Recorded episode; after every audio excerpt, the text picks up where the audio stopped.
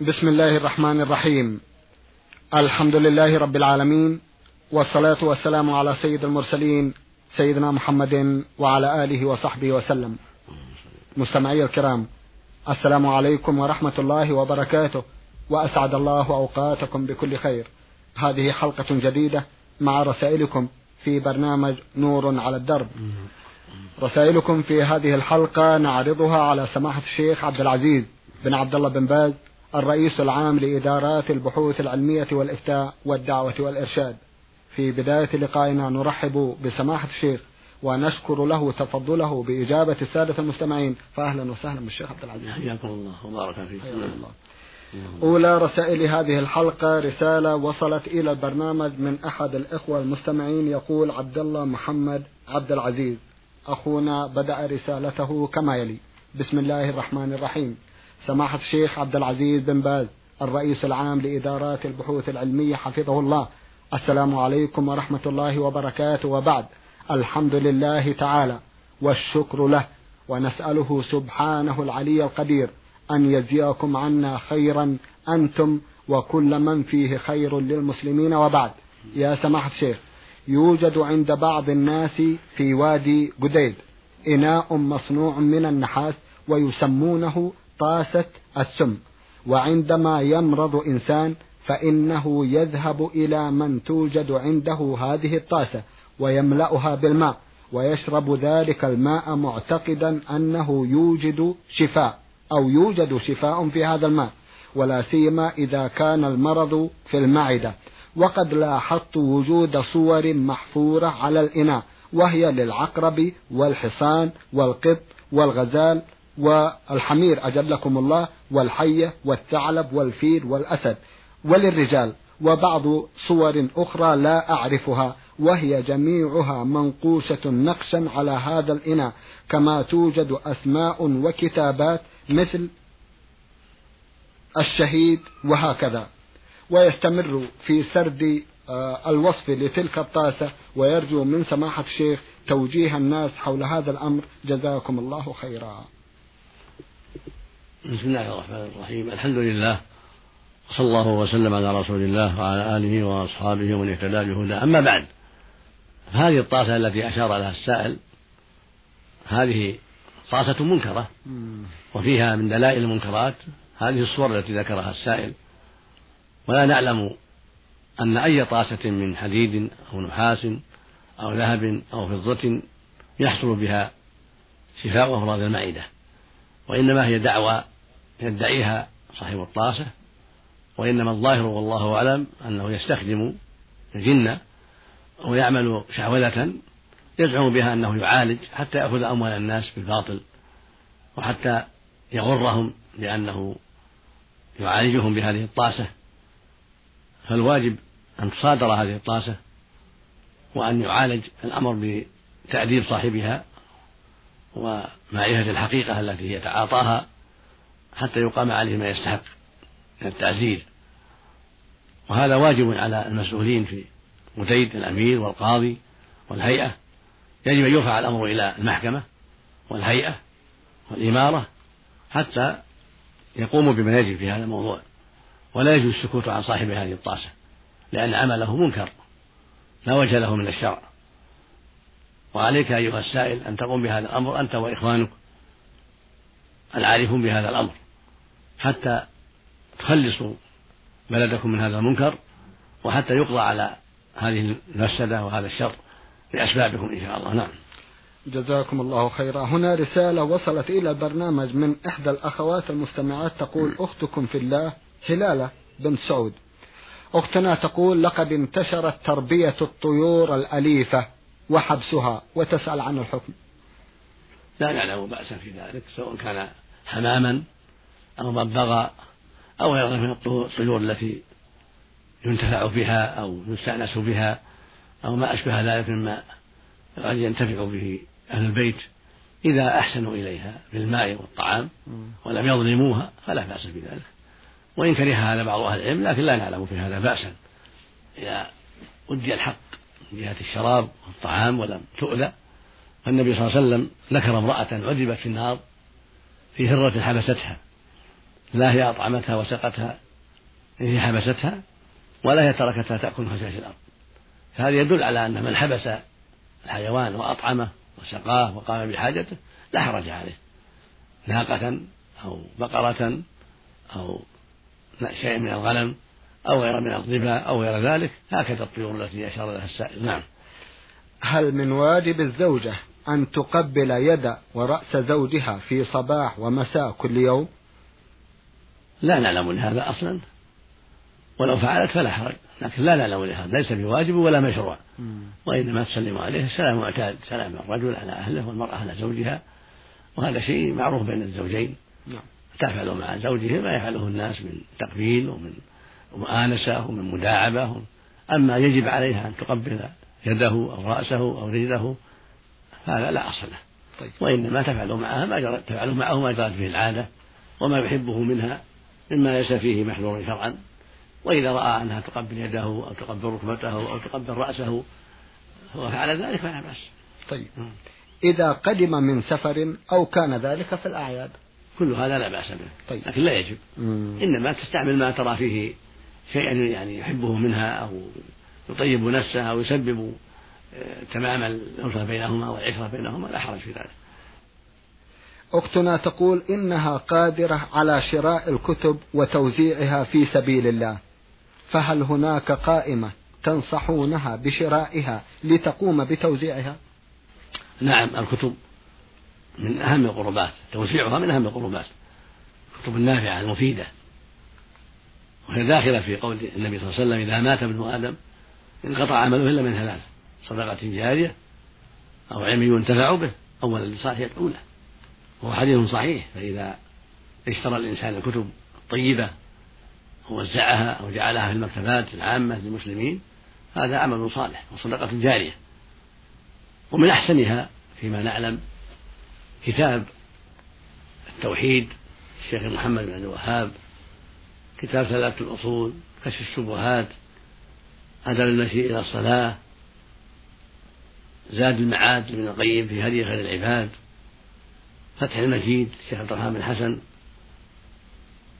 تيسير العزيز الحميد للشيخ سليمان بن عبد الله وكلاهما حفيد للشيخ محمد عبد الوهاب الصحيحان البخاري ومسلم سنن أبي داود سنن الترمذي سنن النسائي سنن ابن ماجه سنن الدارمي موطأ مالك مسند أحمد كل هذه كتب عظيمة شراؤها وتسبيلها للمسلمين في المكتبات العامة أو توزيعها على طلبة العلم كل ذلك نافع كله طيب. نعم. فتاوى شيخ الإسلام ابن تيمية الدرر السنية فتاوى أئمة الدعوة الإسلامية في نجد كل هذه كتب عظيمة نافعة.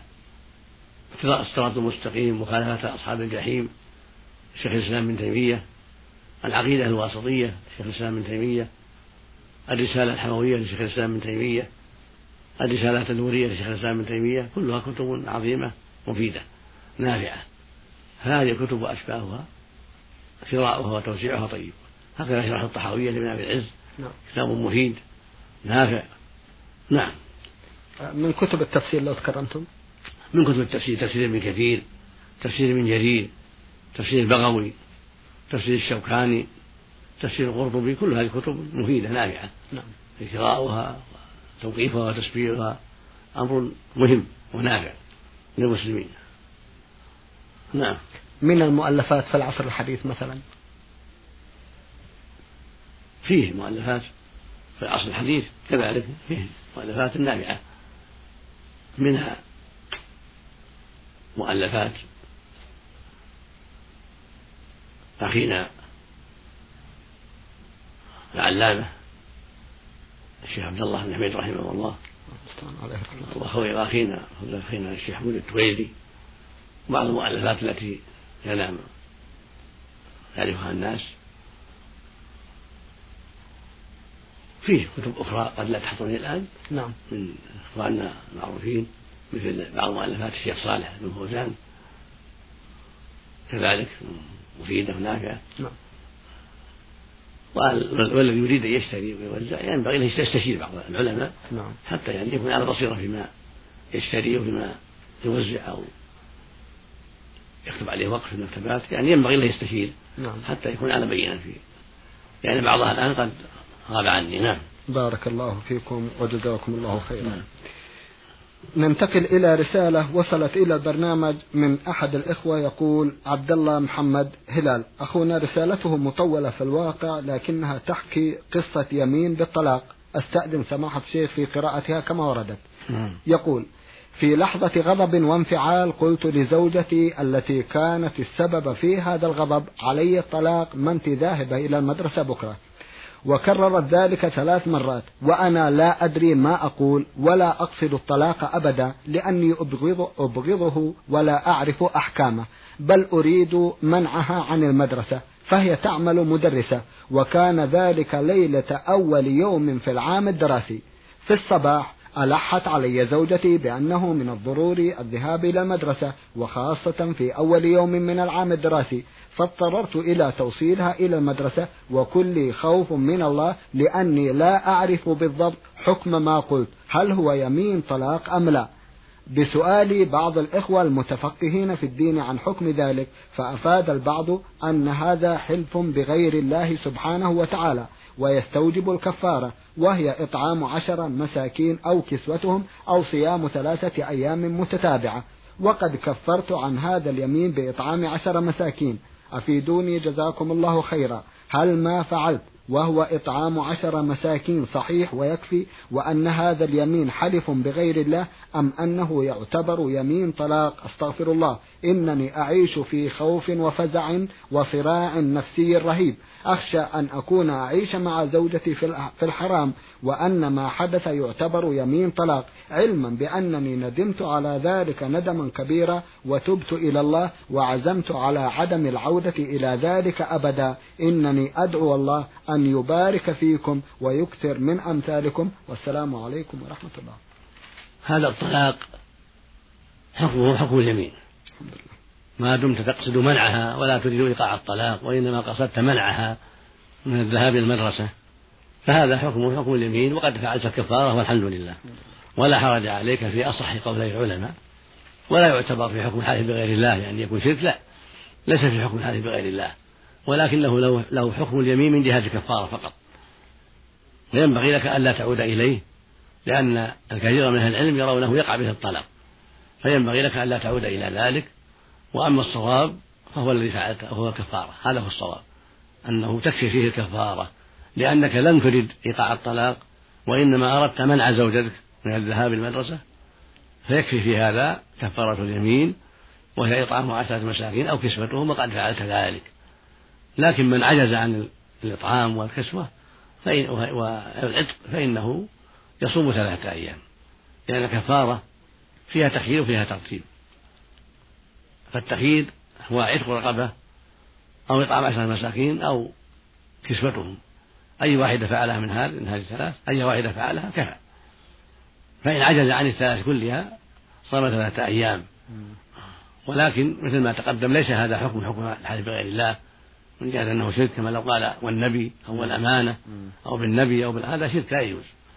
أما قول علي الطلاق أو علي الحرام ليس حكم حكم الحلف بغير الله. ولكن ما ينبغي فعله. ولا سيما الحرام لا يجوز تحريم الإنسان ما أحل الله له. وعليه في هذا كفارة اليمين إذا كان قصد منع من حلف عليه منع زوجته أو منع غيره من كان يقول علي الحرام ما أكل فلان علي الطلاق ما أكل فلان علي الطلاق ما تروح يا فلان إلى كذا وكذا. هذا كله حكمه حكم اليمين إذا قصد المنع. نعم. بارك الله فيكم. لو افترضنا أنه حصل شيء من المعاشرة الزوجية قبل تكفير اليمين. لا لا حرج. الكفارة إن شاء قدمها وإن شاء أخرها الحمد لله. جزاكم الله خيرا. رسالة وصلت إلى البرنامج من أحد الإخوة المستمعين من منطقة جيزان رمز إلى اسمه بأربع حروف يقول ميم ميم حاطة. أخونا يحكي قصته عندما كان أمينا للصندوق ويقول إنه كان يبقى لديه بعض الأموال. بلغت ما هو كذا وكذا ويحدد المبلغ سماحة الشيخ. والآن في نفسه شيء من تلك الأموال ويرجو التوجيه هذه الأموال إن أمكن ردها إلى بيت المال ردها إلى بيت المال بواسطة الجهة التي يرى أنها توصل إلى بيت المال ولا يكون عليه في ذلك خطر. فإن كان إيصالها إلى بيت المال غير متيسر أو في ذلك خطر عليه فإنه يتصدق بها ويصرفها في وجوه البر مثل عمارة المدارس ودورات المياه مثل من يريد الزواج من الفقراء مثل قضاء دين الغرماء المساكين المحتاجين وأشبه ذلك من وجوه البر ويكفي مع التوبة والندم. التوبة إلى الله صادقا نادما عازما أن لا يعود في مثل ذلك ومع ذلك يصرفها في وجوه البر. توبة إلى الله ورجوعا إلى الحق وندما على ما مضى منه. ويكفي ذلك. نعم. جزاكم الله خيرا. أخونا يشكو من حاله في سن معينة سماحة الشيخ. يرجو التوجيه. إذا كان المقصود أنه في حال كبر من السن وضعف من الجسم فعليه أن يستطيع أن يعمل ما يستطيع من الخير ويبشر له البشرى بالخير. فاتقوا الله ما استطعتم. يعمل ما يستطيع من طاعة الله ومن ذكر الله وقراءة القرآن. وغير هذا من وجوه الخير ولا يضره عجزه عما سوى ذلك. فالله سبحانه لا يكلف نفسا إلا وسعها. ويقول عز وجل فاتقوا الله ما استطعتم. ويقول صلى الله عليه وسلم إذا مرض العبد أو سافر كتب الله له ما كان يعمل وهو صحيح مقيم.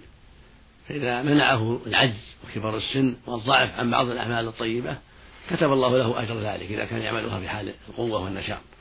كتب الله له أجر ذلك. وقد ثبت في الصحيحين عن النبي صلى الله عليه وسلم قال في غزوة تبوك إن في المدينة أقواما ما سرتم مسيرا ولا قطعتم واديا إلا وهم معكم. وفي اللفظ الآخر إلا شريككم في الأجر. قالوا يا رسول وهم في المدينة؟ قالوا هم في المدينة. حبسهم العذر. وفي اللفظ الآخر حبسهم المرض. فدل ذلك على أن الإنسان إذا كان له أعمال طيبة مثل صيام الاثنين والخميس مثل صدقات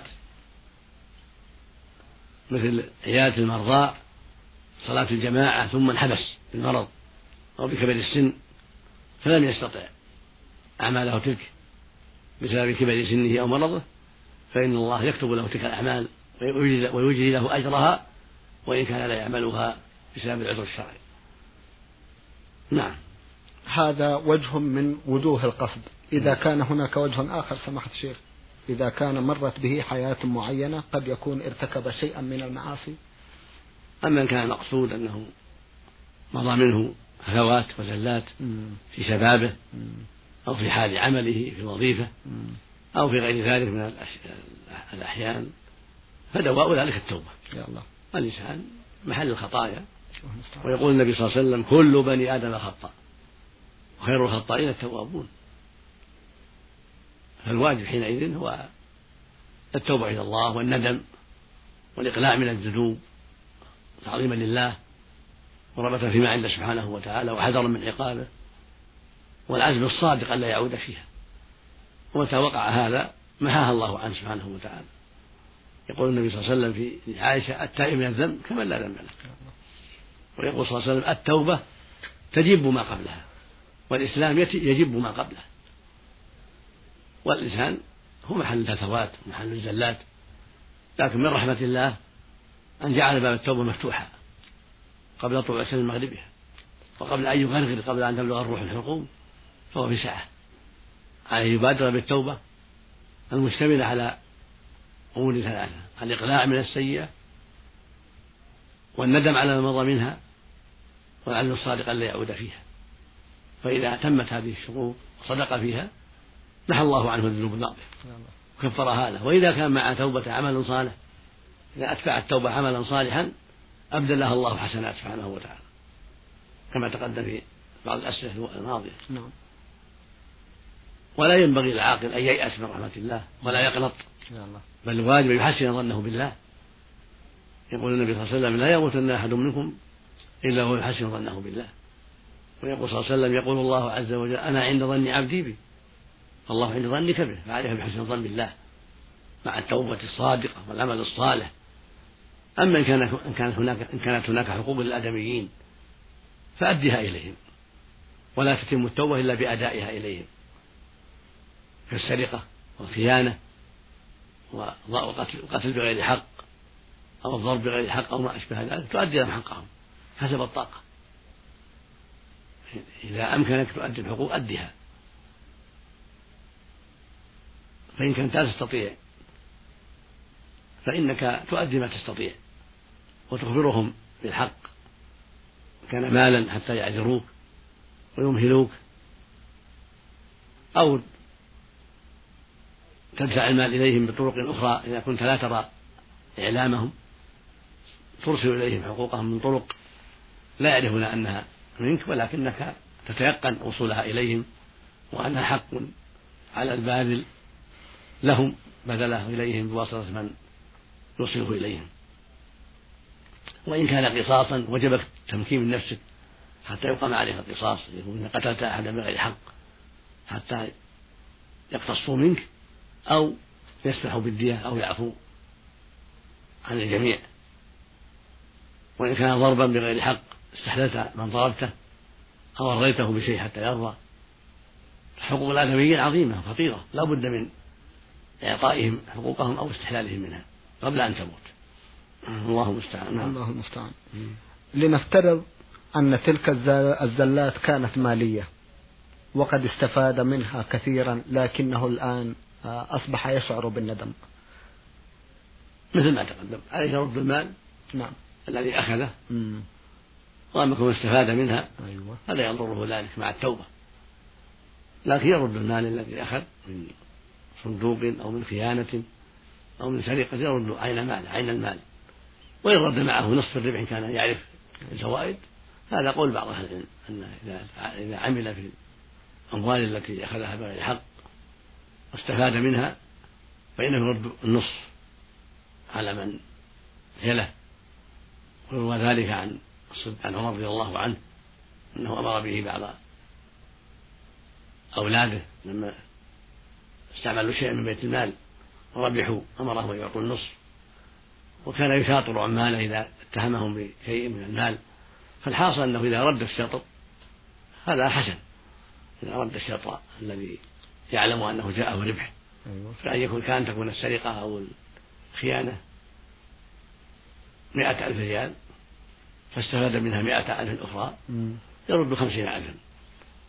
من باب البراءة للذمة كأنه مضاربة كأنه عمل فيها مضاربة وقال آخرون من أهل العلم تكفي التوبة ولا يرد شيئا. وقال آخر يرد الربح كله. ولا يستفيدون شيئا بل يرده كله. وهذا قول معروف لبعض أهل العلم. نعم. فإذا رد النصف نصف الربح هذا قول وسط والأصل أنه لا يلزمه إلا ما أخذ. هذا هو الأصل. لقول الله عز وجل وأحل الله البيع وحرم الربا.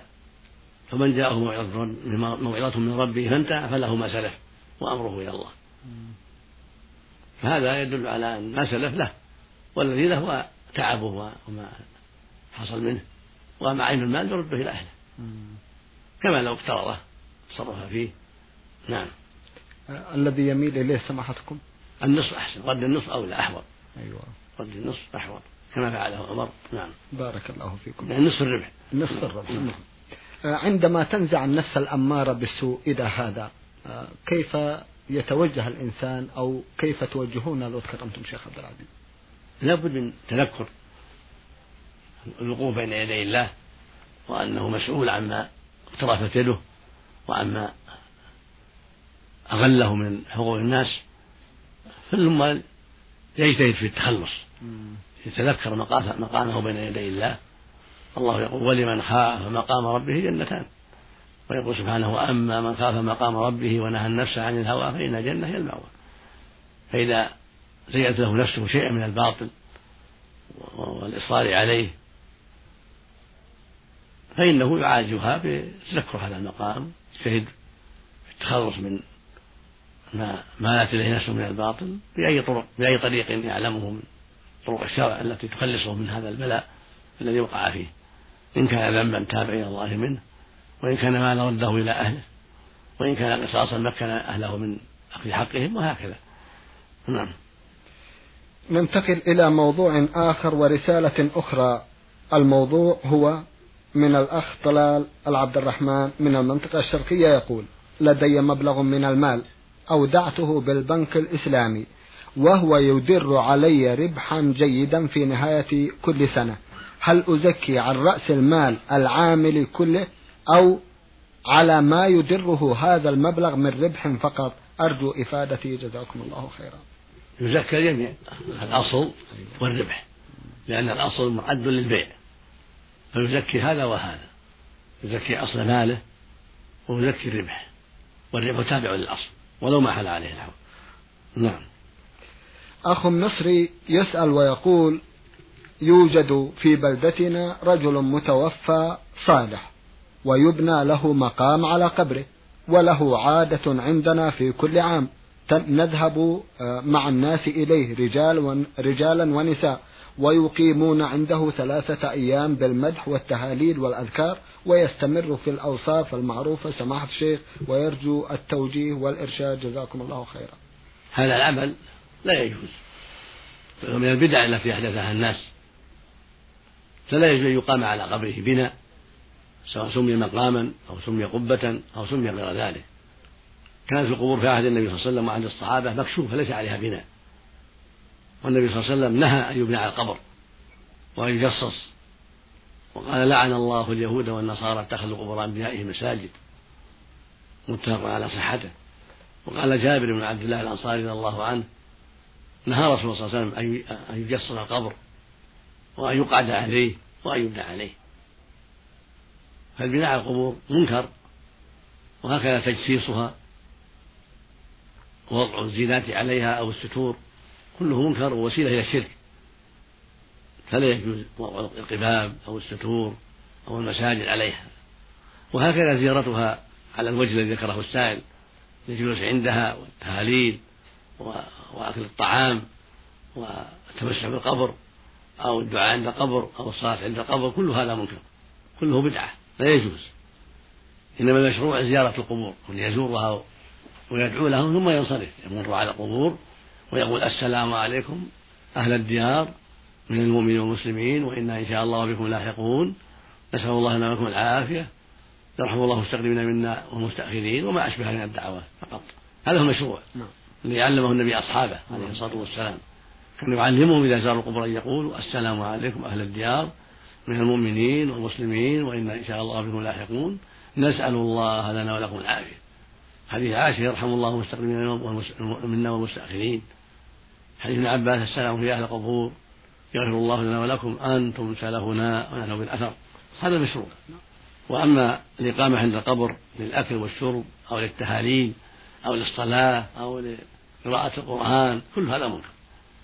يسلم ويذهب نعم. ويدعو الميت ويترحم عليه. أما اتخاذه محل دعاء أو محل قراءة أو محل طواف أو محل تهاليل يجلس عنده أو أكل يوم أو يومين أو هذا ما له هذا بدعة من وسائل الشرك.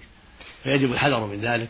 ويجب ترك ذلك. بارك نعم. الله فيكم. سماحة الشيخ في ختام هذا اللقاء أتوجه لكم بالشكر الجزيل بعد شكر الله سبحانه وتعالى على تفضلكم بإجابة السادة المستمعين وآمل أن يتجدد اللقاء وأنتم على خير. وفق الله جميعا إن شاء الله. هذا مستمعي الكرام كان لقاؤنا في هذه الحلقة مع سماحة الشيخ عبد العزيز بن عبد الله بن باز الرئيس العام لإدارات البحوث العلمية والإفتاء والدعوة والإرشاد. من الإذاعة الخارجية سجلها لكم زميلنا فهد العثمان. شكرا لكم جميعا وسلام الله عليكم ورحمته وبركاته.